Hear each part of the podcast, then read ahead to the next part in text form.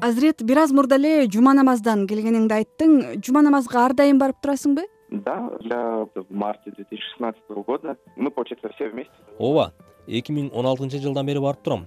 Ал кезде он биринчи класста окучумун биз олимпиадалык борбордо өлкөнүн башка аймактарынан келген күчтүү балдар менен биргеликте алдыдагы сынактардын бирине даярданып жатканбыз. Алардын арасында нарындан келген бала бар болчу. Ал экөөбүз ар кандай суроолор боюнча анын ичинде дин темасы тууралуу дагы көп талашып тартыша кетчүбүз. Мен андан калбаш үчүн куранды хадистерди окуп чыктым. Көп суроолорго жооп таптым. Өзүм дагы ислам динин дагы тереңирээк түшүндүм. Ошентип беш маал намаз окуп калдым. Что его переубежу. Но в итоге сам переубедился. А мындай чечимди туугандарың жакындарың кандай кабыл алышты эмне дешти в моей семье ну это восприняли я бы сказал хорошо үй бүлөм жакындарым жакшы эле кабыл алышты. Болгону радикалдашып кетпе диндин фанаты болуп кетпе деп кайталашты. Анан албетте үйдө куранды билген окуган адам пайда болгонуна сүйүнүштү. Мен үчүн дин бул эң биринчиден адамдарга ак ниеттик. Чын пейилден жакшы мамиле кылуу адамдарга жашоосун жеңилдеткенге жардам берүү сабырдуу болуу. Мен жакшы жакка өзгөргөн сайын үстүдөн кандайдыр бир колдоо болуп жаткандай сезем. Ошол эле маалда ашынган динчил болуп кетпеш керек мисалы мен жаңы намаз окуп баштаганда мен эле туура жолдо бараткандай динге берилбегендин баары туура эмес кылып жаткандай ойлочумун. Бирок бул туура эмес экенин кийин түшүндүм. Башка динди тутунгандарга керек болсо атеисттерге дагы толеранттуулук менен караш керек. Негизи ислам башкаларды сүйүүгө чакырат. Помогать людям именно облегчать жизнь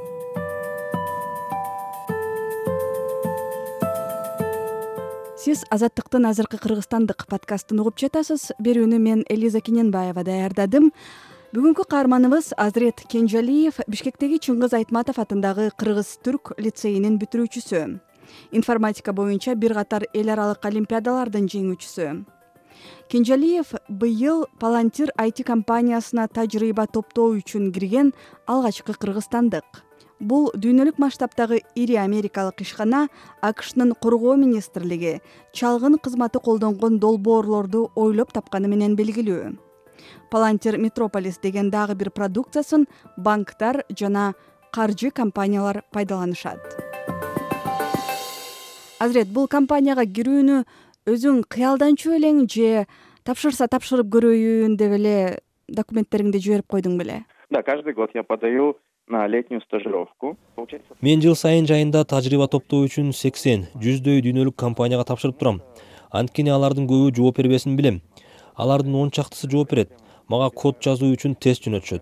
Муну эми техникалык тапшырма деп койсо болот. Андан соң алардын үчөө баарлашууга чакырат. Палантир компаниясына да ушундай эле максат менен тапшыргам. Анан мен биринчи жолу алар жиберген техникалык тапшырманы толугу менен аткара алган жокмун.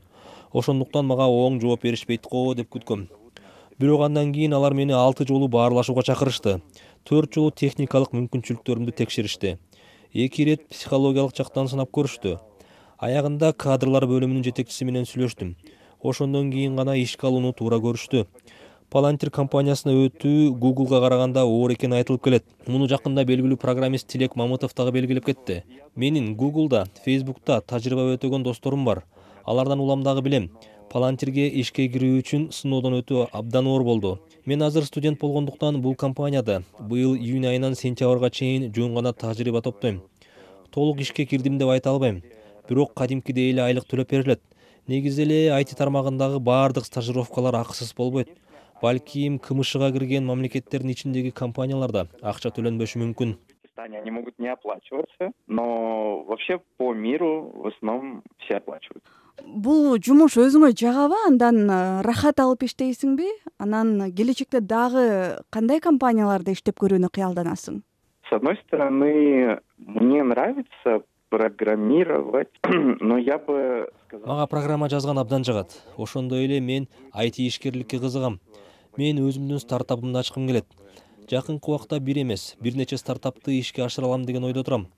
Бирок ал жакта мен техникалык жагын көзөмөлдөгүм келбейт өзүмдү ишкерлик жактан дагы сынап көргүм келип турат. Мисалы гугл менен тең тайлаша турган долбоор баштагым келет. Бул компаниянын эң негизги продукциясы бул баарыбыз билген кадимки издөө системасы. Ал жактан азыр кыргыз тилинде маалымат издесең абдан чектелүү санда чыгат. Негизи эле дүйнөлүк желеде кыргыз тилинде маалымат өтө аз. Мен тил жагынан чектелбеген издөө системасын ойлоп табууну кыялданам. Мисалы кыргыз тилинде маалымат издесең түрк тилиндеги материалдын баарын которулуп чыгышын каалайт элем менин бул оюмду тилек мамытов дагы колдоп турат. Ал y комбинатор стартап акселератордун негиздөөчүсү пол грем көптөн бери кимдир бирөө ушундай издөө системасын ойлоп тапса деп кыялданып жүргөнүн айтты. Мага да ушундай демилге менен кайрылып көрүүнү сунуштады. Балким гремге жакса ал өзү ментор болушу мүмкүн дейт. Мага бул сунуш аябай жакты. Ошол эле y комбинатордун стартап мектептери бар. Алардын лекцияларын бекер эле көрсө болот мен акыркы учурларда жалаң ошолорду гана көрүп өзүмдүн стартабымды кантип баштасам болот деп ойлонуп жүргөн чагым. Можно смотреть их лекции и я как раз вот последнее время залипаю смотрю и узнаю как как лучше запустить свой стартап демек э, кыргызстандык кыйын программисттер бири бириңер менен сүйлөшүп э, колдоо көрсөтүп кеңеш берип турат экенсиңер да бири бириңерге да да да да да да да да. Э, и например я часто я довольно уже часто начал разговаривать ооба мен акыркы кезде тилек мамытов байке менен көп сүйлөшүп жүрөм алар дайым мага кеңештери менен мотивация берип колдоп турат. Ал эми кайнар камалов байке көптөр билгендей эле эмайтини бүткөн. Мен дагы бир кезде бул окуу жайга тапшырууну көздөгөн элем. Ошондо ал мага өз кеңештери менен жардам берген. Бирок тилекке каршы сынактын акыркы баскычында өтпөй калгам. Я туда почти прошел я прошел лист ожидания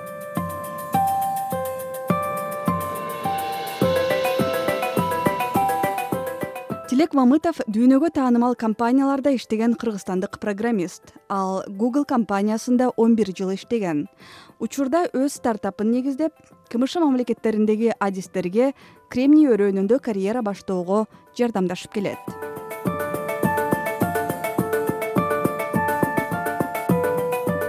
Кайнар камалов массачусетс технологиялык институтун бүтүрүп ошол эле университетте бир аз иштеп кийин microsoft компаниясында эмгектенген. Учурда өзүнүн би он эки деген стартапын иштетип жасалма интеллекттин негизинде тиркемелерди жасоо менен алектенет.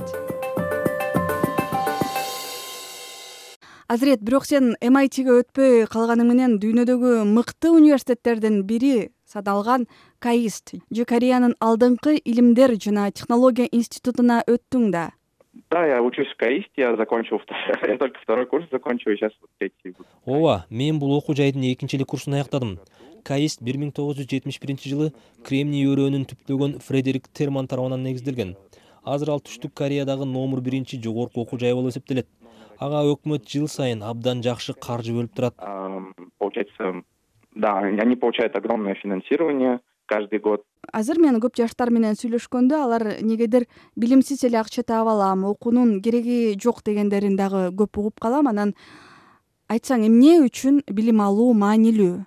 Я я считаю что образование многие не понимают что образование открывает намного большие возможности.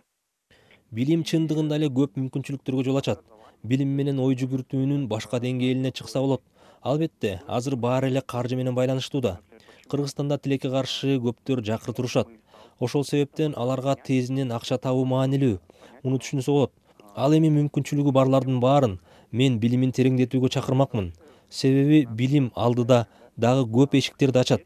Жана бул дагы көбүрөөк акча табууга өбөлгө түзөт. Нужно задуматься над тем что образование на самом деле может открыть для них еще большие возможности и они могут и зарабатывать еще больше сени азыркы кыргызстанда эмне өкүндүрөт жана эмне кубантат?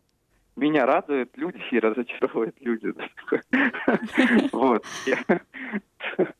Люди которые э, хотят мени кыргызстанда адамдар кубантат кайра өкүндүрөт дагы. Бизде көп сүйлөбөй кыйкырбай. Эл алдына чыкпай эле кыргызстан үчүн көп жакшы иштерди кылгандар бар. Алар тууралуу эч ким деле билбейт. Бирок алар өз иштери менен пайда алып келип жатышат. Ошондой адамдар мени кубандырат ошол эле учурда ар дайым эл алдында болуп кейип кепчип көйгөйлөрдү көтөргөн адамдар көп. Алар көп сүйлөшөт бирок пайдалуу эч нерсе кылышпайт. Аларды өсүп келе жаткан жаңы муун идеал катары көрүп эптеп эле эл көзүндө болуп бир нерсе деп сүйлөп туруу зарыл экен деп ойлошот. Көп сүйлөп аз пайда келтирген адамдардын көп экендиги мени абдан өкүндүрөт. Люди которые на виду и которые любят говорить о проблемах с них то и берет э, пример э, молодежь. Рахмат азирет чоң рахмат ишиңе ийгилик сиз азыркы кыргызстандык подкастын уктуңуз. Бүгүнкү каарманыбыз палантир компаниясына тажрыйба топтоо үчүн ишке кирген программист азырет кенжалиев болду. Берүүнү мен элиза кененбаева даярдадым. Саламатта калыңыз